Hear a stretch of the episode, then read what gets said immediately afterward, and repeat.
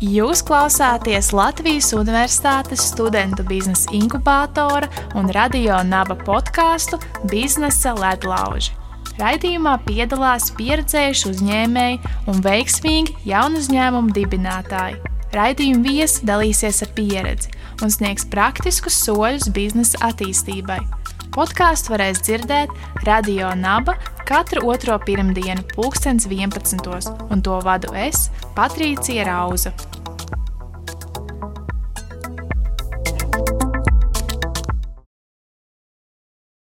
Sveiciens visiem mūsu šī brīža klausītājiem!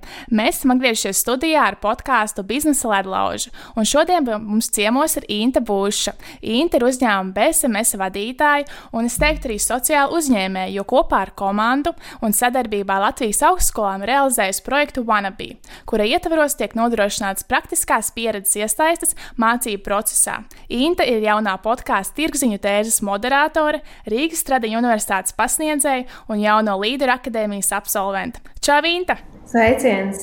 Lielas paldies par pieteikumu un uzaicinājumu šeit būt. Paldies, ka ieradies mūsu podkāstā. Prieks tevi redzēt. Meklējot informāciju par tevi, uzdūros daudz projektiem, kuros tu esi iesaistījusies.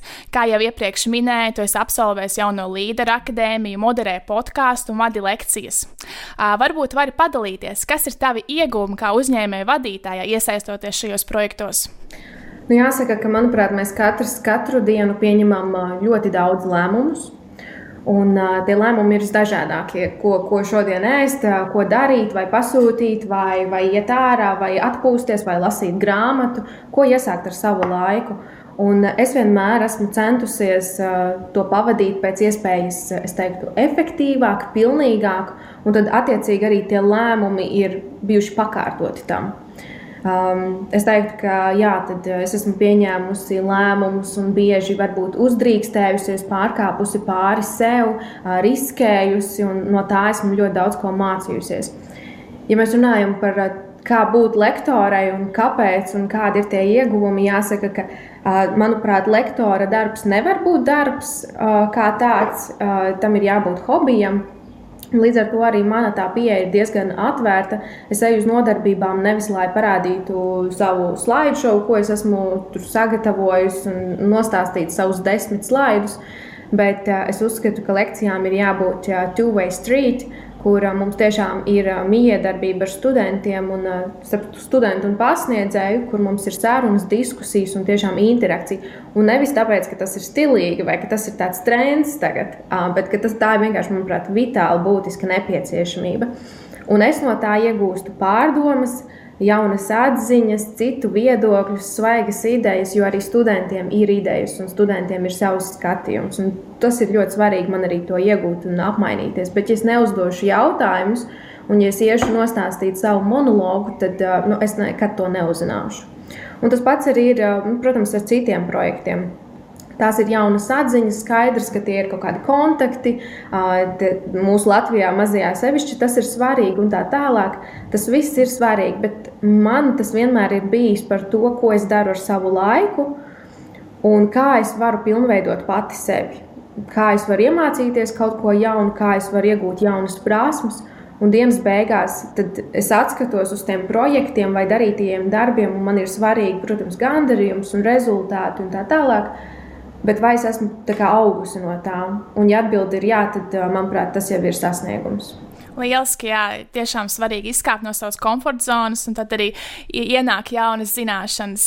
Turpinot mūsu sarunas, vēlētos, lai tu vairāk pastāsti par uzņēmumu, kurā es arī vadītāja, kas pilnajā nosaukumā saucas Brand Sales and Marketing Support. Varbūt pastāsti, kā aizsākās BSMS un kādus pakalpojumus sniedz jūsu uzņēmums. Jā, BSMS tika dibināts 1999. gadā. Uzņēmumam tā tad ir vairāk kā 20 gadi. Un, nu, man liekas, ka tas arī varbūt sasaucās, kāpēc mums ir podkāsts, jo šis ir tas laiks un uzņēmuma briedums, kad mēs tiešām jūtamies, ka mēs esam dot, gatavi dot atpakaļ nozarei un dalīties ar gadu laikā uzkrātiem zināšanām. Sākotnēji uzņēmums tika dibināts ar mērķi nodrošināt merchandising pakalpojumus, kas toreiz Latvijā nebija pārāk attīstīti. kā tie, protams, ir šodien. Un, attiecīgi, jā, tad tikai ar nu, gadiem attīstoties un augot arī komandai, tad tika izveidota mārketinga nodaļa, pirms diviem gadiem izveidojām arī bija studio nodaļu. Tā. Attiecīgi par pakalpojumiem, um, katra šī struktūra vienība nodrošina pakalpojumus savas kompetences ietvaros, kopumā izstrādājot kampaņas un uh, tādas mārketinga un pārdošanas aktivitātes, kas attiecīgi ļauj uzņēmumiem sasniegt viņu mērķus. Un arī es iepriekš skatījos, ka jums, pieņemsim, realizēts Vanabī projekts, un arī jums ir podkāsts. Kā jūs vispār apzināt nepieciešamību pēc jauniem pakalpojumiem? Klienti? Tas, protams, ir bizness, tas, protams, ir pieprasījums un piedāvājums. Ir ļoti svarīgi apzināties to potenciālo tirgu, un no otras puses arī uh, saprast, kur ir uh, stiprās puses un kompetences. Man liekas, tas ir ļoti svarīgi noturēt un celt kvalitāti. Un, nu, līdz ar to uzņemties vai veidot pakalpojumus, kas nav galīgi kompetents ietvaros, tikai tāpēc, ka tur ir biznesa, tas tā nestrādā. Manuprāt, ir ļoti svarīgi kādā brīdī arī pateikt klientam, nē, mācīt to izdarīt un uh, iedot uh, kāda cita uzņēmuma kontaktus, ja tu zini, ka viņi to varētu izdarīt uh, labāk, un uh, nu, ir viņu, tas ir viņu profils, kurā viņi strādā. Un, nu, es teiktu, ka vienkārši ir jāmāk būt godīgiem pašiem pret sevi un arī pret uh, pasūtītāju, pret klientu. Uh, Jā, paldies tev par atbildi. Uh, turpinot mūsu sarunas, vēlos vairāk pārunāt ar mārketingu saistītas tēmas un runājot par komunikāciju starp patērētāju un uzņēmumu īpašnieku. Uh, vai tavuprāt, uzņēmuma vadītājiem būtu jābūt arī sava zīmola vēstnesim sociālajos mēdījos? Nu, mēs zinām uh, Teslas piemēru, Elonas uh, Masks, kurš uh, iepriekšējā gadā uh, nogalē, manuprāt, tas bija oktobris, novembris, atlaida savu PR PR komandu. Jo tā nevarot sacensties ar viņa 39 miljoniem Twitter sekotāju, kas viņam ir attiecīgi viņa personīgajā kontā. Un skaidrs, ka tas uzreiz pasaulē šīs ziņas izgāja kā tāds nebijis precedents, ka Tesla atkal ir, nu, ka viņi dara kaut kādu šo pirmo reizi lietu par to, vai un kā un cik efektīvi un korekti tas ir. To mēs noteikti redzēsim ilgtermiņā. Dažādas spekulācijas un viedokļi, protams, jau ir izskanējuši. Taču nu, arī Latvijas mērogā mēs redzam, ka uzņēmumu uh, priekšgalā izvirzās konkrēti cilvēki. Tad ne tikai uzņēmumu, bet uh, partiju, organizāciju, tie ir konkrēti vadītāji vai tad, uh, nu, viedokļu līderi. Bet uzņēmuma vadītājs nevienmēr obligāti ir, ir vēstnesis. Tā ir cita prasme. Ne visiem tā ir. Un, nu, tad, tur attiecīgi ir arī jāspēj, es teiktu, um, konkrēti novest šī ziņa attiecīgi. Sevišķi, ja mēs skatāmies par partijām, tad nu, joprojām, diemžēl, var redzēt, ka uh, varbūt viņš ir vadītājs, varbūt viņš spēj menedžēt iekšējos procesus. To mēs nezinām bieži, bet uh, cik viņš labs ir vēstnesis, cik labi šī ziņa tiek pateikta sabiedrībai, bieži tas ir tas, kas pieklibo. Un tāpat ar uzņēmumiem. Jo vienkārši tas, ka tu esi vadītājs, tas, ka tu uh, esi eksperts, tas nenozīmē, ka tu tiešām arī esi vēstnesis. Vai uzņēmumam vadītājiem būtu jābūt uh, savam zīmola vēstnesim sociālajos tīklos? Es teiktu, ka tas ir ļoti atkarīgs no konkrētā cilvēka, no organizācijas, un vai tas ir dabiski. Jo, ja uh, šim cilvēkam tā ir tāda piespiešanās, Viņš sociālajiem tīkliem ir ar jūs, un, un tas būtu tā mākslīgi izveidot tagad Instagram kontu un Facebook un LinkedIn tikai tāpēc, ka esmu uzņēmuma vadītājs un man tur PR komanda saka, ka man tas ir jādara. Un viņi veido arī ziņas viņa vietā un tā tālāk. Bieži esmu dzirdējusi, ka tie cilvēki un sekotāji, kas uzzina, ka tas nav paši šī, šīs personas veidotais saturs, bet tur ir kaut kāda komanda vai, vai kaut kāds asistents aiz tā, kas to dara. Viņi jūtas apkrāpti. Un es domāju, ne bez pamata.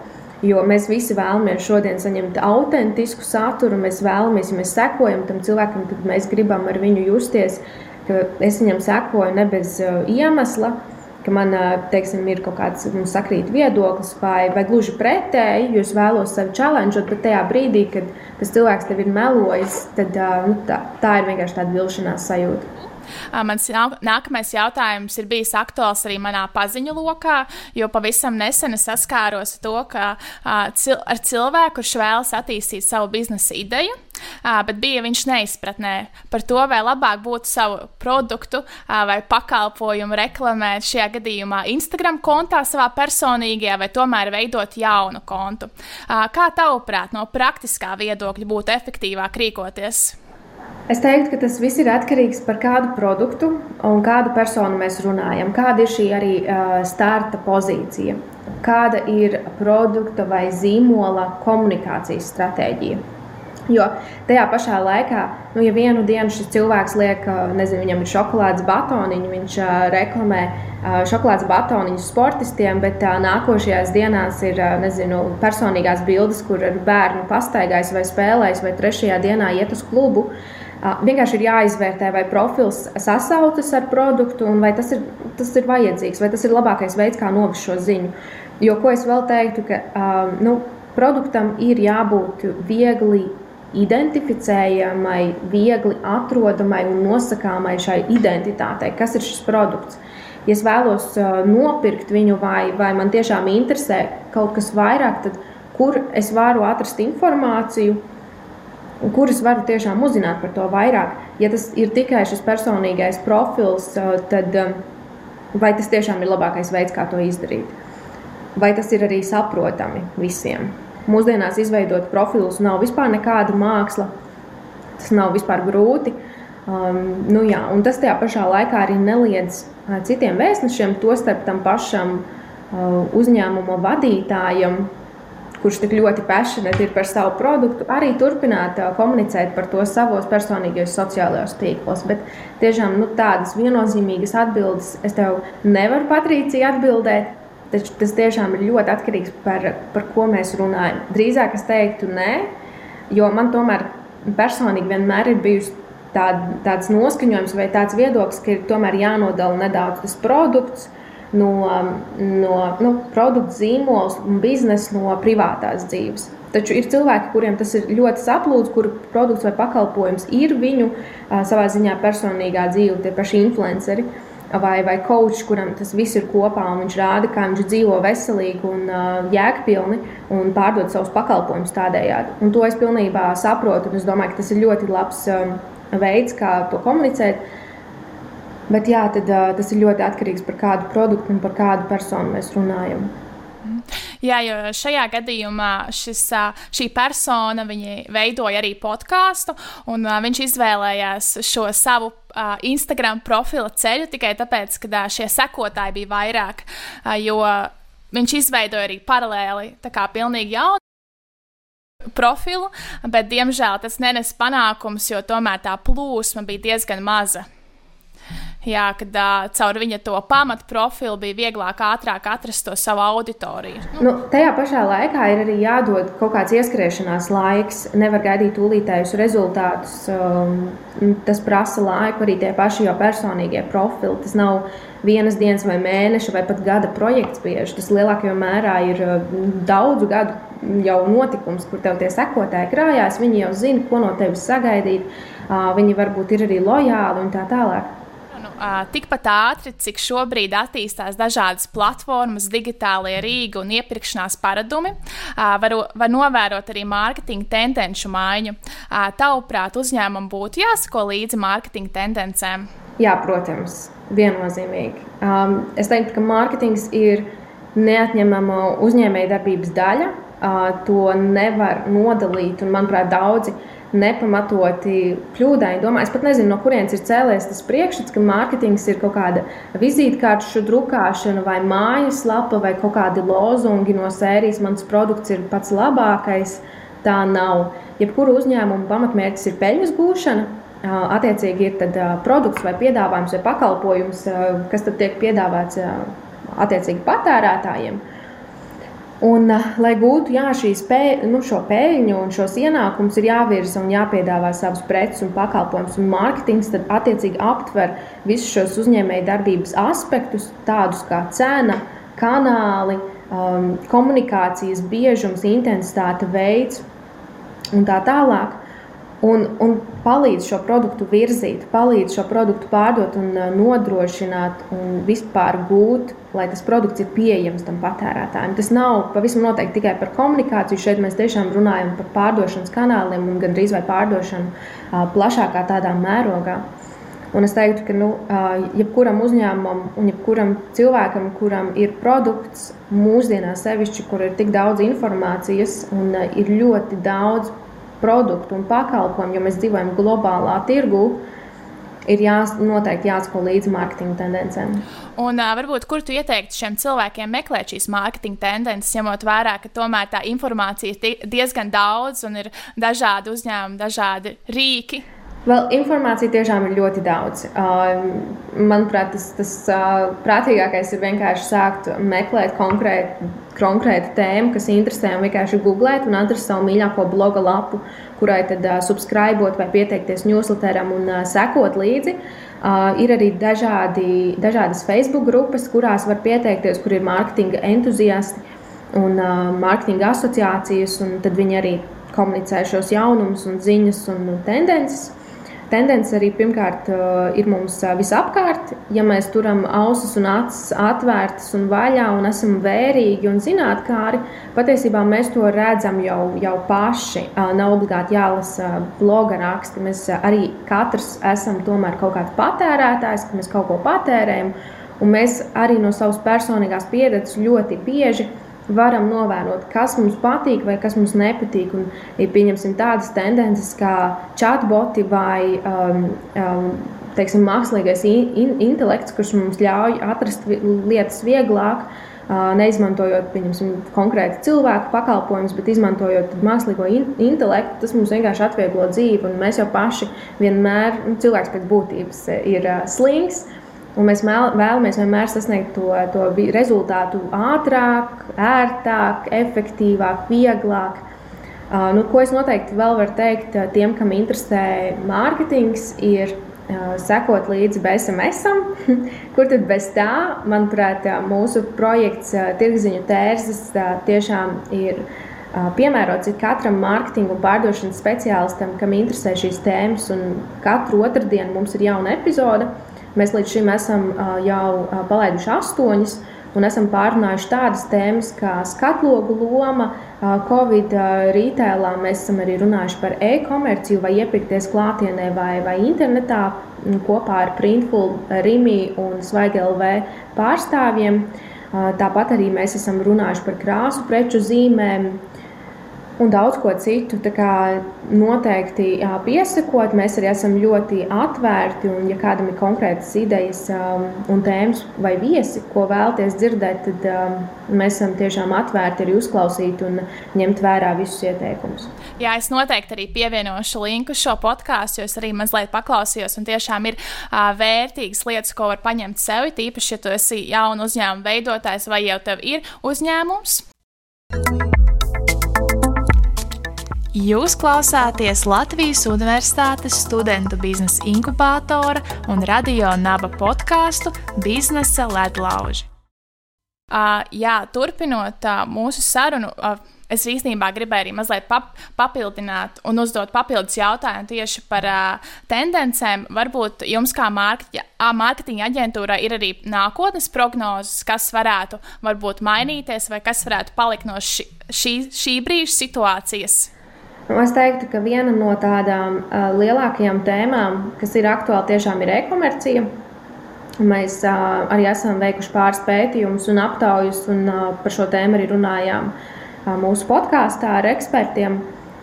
Un jāsaka, nu, ka tā, nu, tas, tas viennozīmīgi ir tāds uh, jautājums, kas ir aktuāls jebkuram Latvijas iedzīvotājam, un, protams, arī ārpus mūsu valsts robežām. Un es teiktu, ka visticamāk, ka mans personīgais viedoklis ir tāds, ka cilvēki joprojām gribēs iepirkties um, internetā, te pašā laikā arī klātienē. Tāpēc kaut kādā brīdī noteikti uh, uzņēmumi meklēs visefektīvākos, un interesantus un interaktīvus risinājumus, kā var apvienot abas šīs metodes.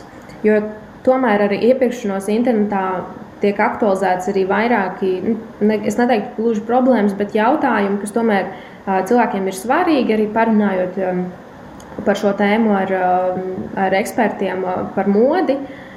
Mūsu, manuprāt, otrajā epizodē mēs noskaidrojam, ka ir tomēr ļoti daudz ne tikai sievietes, bet arī vīrieši, kas nespēja iztēloties, kā tas apģērbs izskatīsies viņam mugurā, kā vai derēs, kā krāsa piestāvēs ādai vai komplementēs ķermenim un tā tālāk. Un šie visi jautājumi nu, noteikti kļūs arvien aktuālāki. Manuprāt, jau pirms pāris gadiem bija ārzemēs, ja nemaldos, tam pašām HM vai Zārai bija tāds izmēģinājums, kur tu vari uh, nobukot uh, savu, savu garderobi vai savu potenciālo pirkumu, aiziet uz tuvāko veikalu, un tev jau ir sagatavots tas viss, un tu vari pielaikot, burtiski pāris minūtes veltīt un nestaigāt pa visu veikalu, nepatērējot laiku, lai tad attiecīgi atrastu šos produktus. Tad uh, tur arī tiek piedāvāts šis uh, perso personīgais uh, pārdevējs, kas tev attiecīgi nokomentē tavu pirkumu un tā tālāk. Nu, jā, es domāju, ka katrā ziņā mēs šeit varam runāt, ja mēs runājam par e-komerciju, tad noteikti būs vairāki jauninājumi. Uzņēmumi arvien vairāk domā ne tikai par chatbotiem, bet par, kā mēs noskaidrojam, arī par chat tīkliem, kur chatboti savstarpēji sarunājas savā starpā starp uzņēmumiem. Pavisam noteikti ir arī dažādas citas mārketinga un pārdošanas tendences un rīki, kas arī vienkārši mainās dēļ patērētāju pieredumiem un, protams, arī tāpēc, ka tirgus pats par sevi mainās. Tā, viena no metodēm, ar kuras pati esmu saskārusies uzņēmumos un kura ir bijusi palīgs īstenībā dažādās radošajās bezizējās, ir brainstormings, jeb prāta vētra. Kāpēc tavuprāt daudz uzņēmumu ideju radīšanā un problēmu risināšanā izmanto brainstorming metodi? Mēs arī paši BSMS izmantojam brainstorm. Ir konkrētas situācijas, ir konkrēti jautājumi, kuriem ir jāatrod atbildes un risinājumi. Tad, attiecīgi, tad brainstorms ir ļoti labs rīks, kā to menedžēt gan ātri, efektīvi un nesāpīgi. Skaidrs, ka brainstormings ir jāveido apzināti un mērķiecīgi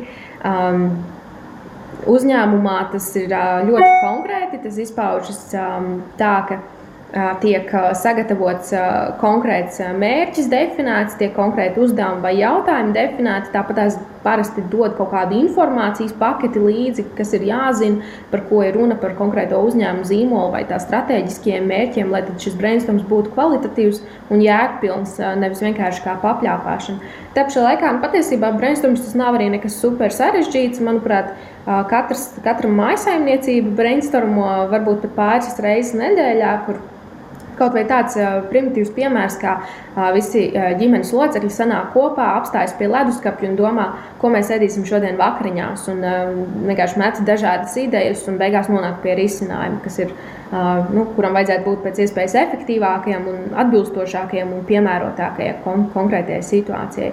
Nu, protams, aģentūrā šie procesi ir vadīti un mērķiecīgi. Svarīgi ir ģenerēt jaunas idejas, Um, lai to darītu, ir jābūt arī atbilstošai videi. Uh, jebkuram cilvēkam ir jājūtas droši, ka viņš var teikt savu ideju, nevis uh, tikt uh, nonicināts vai aprunāts, vai teikt, ah, nē, šis ir galīgi garām. Nē, uh, tā tas nedrīkst būt. Um, Tāpēc, lai, lai cilvēki justos brīvi un lai viņi varētu arī kvalitatīvi uh, veidot šīs idejas, tad, jā, tad vide ir ļoti, ļoti svarīga. Nu, es teiktu, arī vadītājs ir ļoti svarīgs, kurš, kurš tad attiecīgi menedžē šo brainstorm procesu. Jā, tieši arī es domāju, jauniem uzņēmējiem, kas tikko ir sākuši savu dalī, darbību, ir ļoti vērtīgi savā starpā tomēr apmainīties tajām idejām. Un varbūt no praktiskā viedokļa, vai jūs, pieņemsim, savā kolektīvā izmantojat arī tāfeli vai kaut kādas lapiņas, vai jūs, kā jums tas praktiski notiek, tas brainstormings?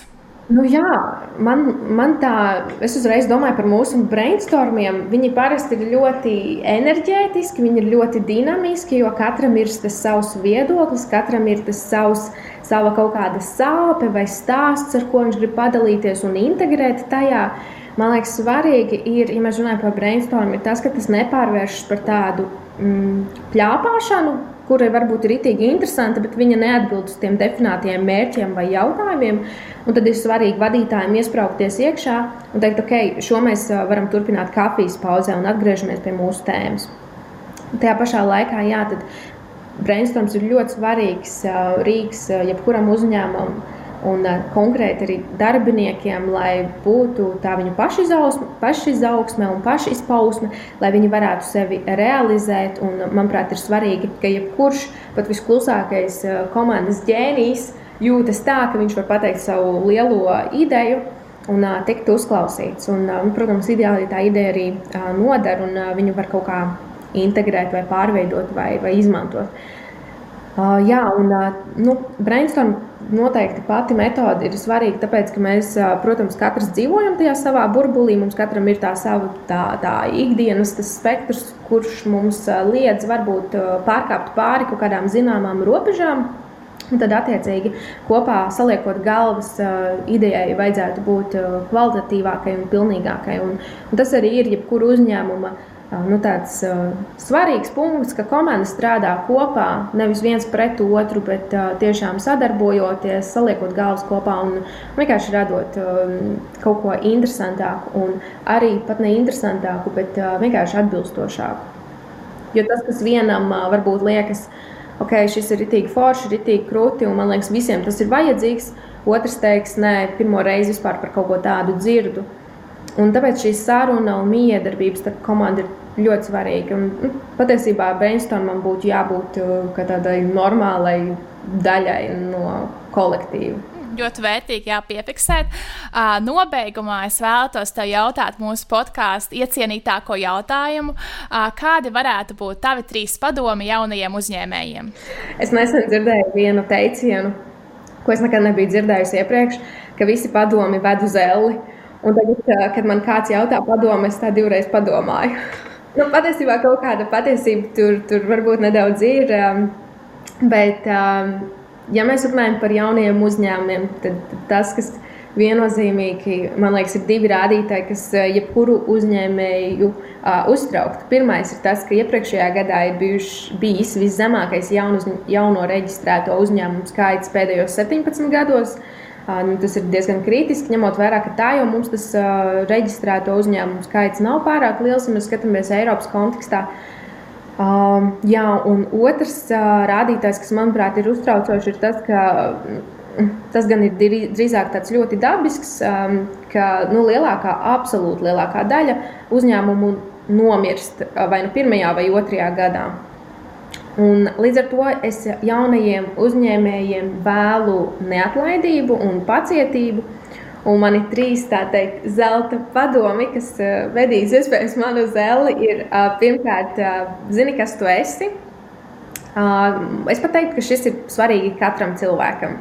Zināt, kas tu esi, par kādām vērtībām tu stāvi, uh, kas ir tas tavs produkts un mērķis vai uzņēmuma misija, ko tu vēlēsies sasniegt. Un man vienmēr, tad, kad skolā mācījos augstskolās, un mums bija jāraksta uzņēmuma misijas, vīzijas un vērtības, man tas vienmēr likās tik nogurdinoši un bezjēdzīgi.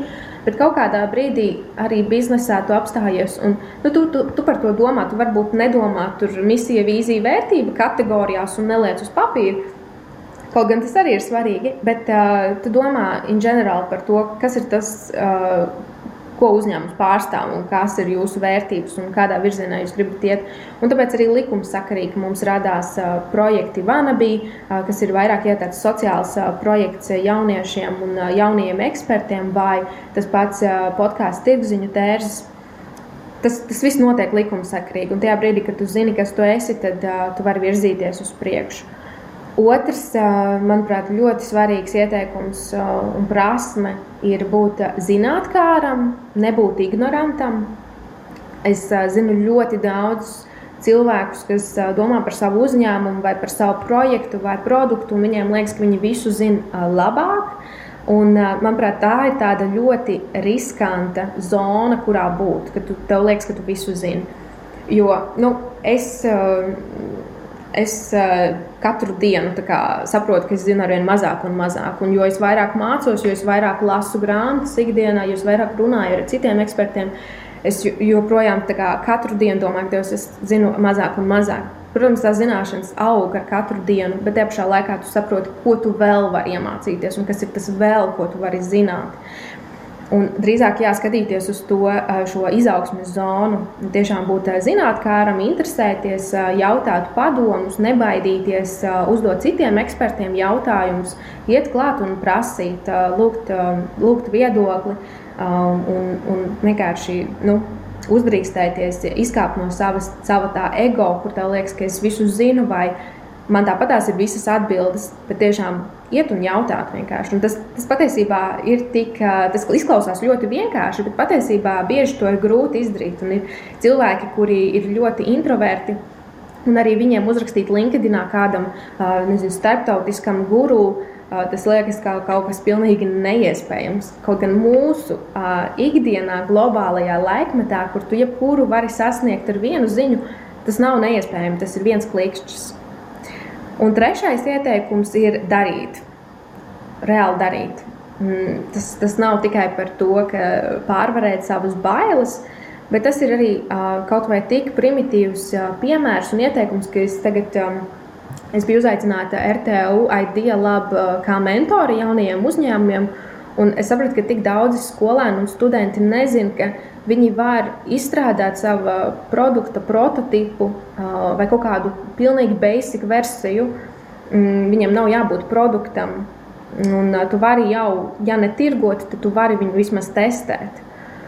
Un, uh, mums bieži ir tas priekšstats, ka, lai es kaut ko kādam piedāvātu, vai komunicētu, vai pārdotu, tam produktam ir jābūt perfekti nostrādātam, desmit reizes noslīpētam un tā tālāk. Bet kamēr tu viņu slīpē, kāds cits jau viņu ir iztestējis, pielāgojis patērētāju un pircēju paradumiem un jau ieviesis tirgū.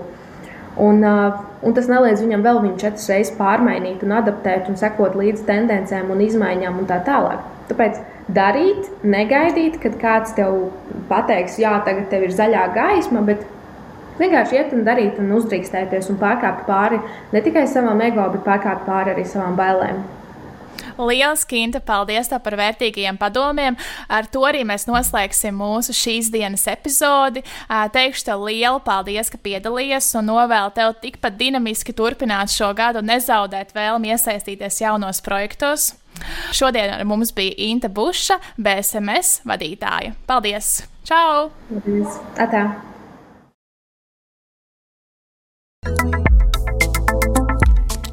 Jūs klausāties Latvijas Universitātes studentu biznesa inkubātora un radio naba podkāstu Biznesa ledlauži. Raidījumā piedalās pieredzējuši uzņēmēji un veiksmīgi jaunu uzņēmumu dibinātāji. Raidījuma viesi dalīsies ar pieredzi un sniegs praktiskus soļus biznesa attīstībai. Podkāstu varēs dzirdēt Radio Naba katru otro pirmdienu, 2011. un to vadu es, Patricija Rauza.